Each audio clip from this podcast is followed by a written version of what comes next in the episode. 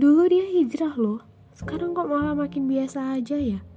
Pakaiannya juga nggak kayak dulu lagi. Katanya nggak suka, tapi kok pacaran.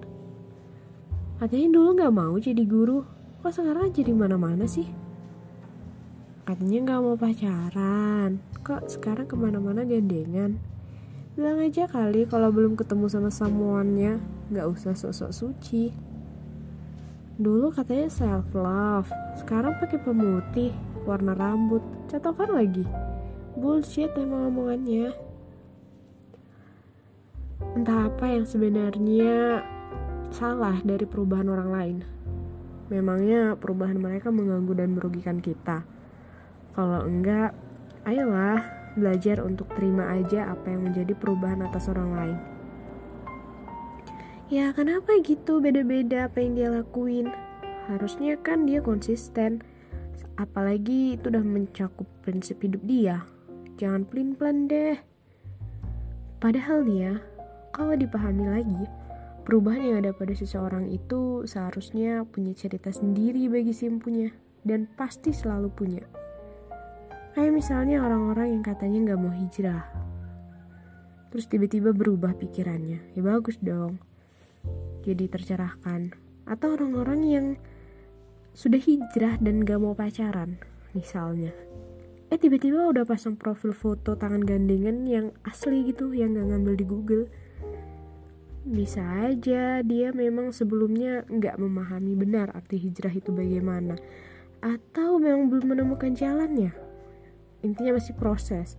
Atau bisa juga dia emang nggak punya orang yang benar-benar bisa diikutin Siapa tahu dia juga punya makna sendiri tentang hijrah itu. Kita sebenarnya nggak pernah tahu alasan kenapa orang melakukan sesuatu.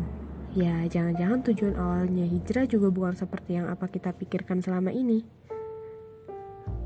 Saya dulu punya makna bahwa teman adalah segalanya. Waktu SMP, saat ditanya apa hal paling penting dalam hidup, saya menjawab teman. Walaupun orang-orang lain menjawab ibu, makan, udara, keluarga, dan lain-lain. Saya menjawab demikian karena pada saat itu saya tidak memiliki keluarga yang dekat. Saya juga tidak begitu paham arti kasih sayang di keluarga.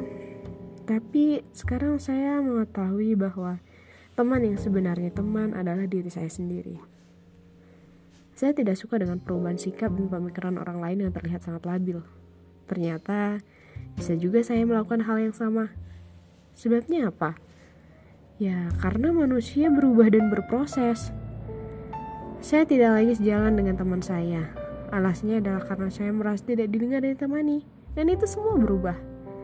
Dulu selain menghakimi perubahan orang lain yang dianggap gak konsisten, juga ngerasa punya pembenaran atas perubahan diri sendiri. Yang salah nggak ada lagi selain pola pikirnya. Seharusnya kita mempelajari ulang mengenai apa yang kita pikirkan. Kalau kita berpikir bahwa sesuatu itu benar menurut kita, apakah demikian yang dipikirkan orang lain? Sehingga layak bagi kita untuk menghakimi apa yang menjadi pilihan seseorang, meskipun itu berubah dari yang sebelumnya ia katakan pada kita. Kadang saat salah satu benar, bukan berarti yang satunya lagi salah. Tapi ada perspektif lain yang harus didengar. Juga sebagai suatu varian yang eksis. Kalaupun orang lain berubah prinsipnya, jangan. Sekali lagi jangan lihat dari sudut pandang kita. Lihat dari sudut pandang mereka yang melakukannya. Kita tidak pernah tahu isi hati dan perasaan seseorang karena setiap hati bahkan mampu dibolak-balikan oleh sang penciptanya. Jadi, kalau ada teman yang berubah antara dulu dan yang sekarang, ya udah, biarin aja. Hidup bukan untuk mengurusi hidup orang lain. Memperingati itu biasanya karena kita merasa lebih tahu apa yang lebih baik dari sudut pandang kita yang tidak merasakannya. So, segini dulu cerita kali ini. Sampai ketemu di cerita selanjutnya. See you.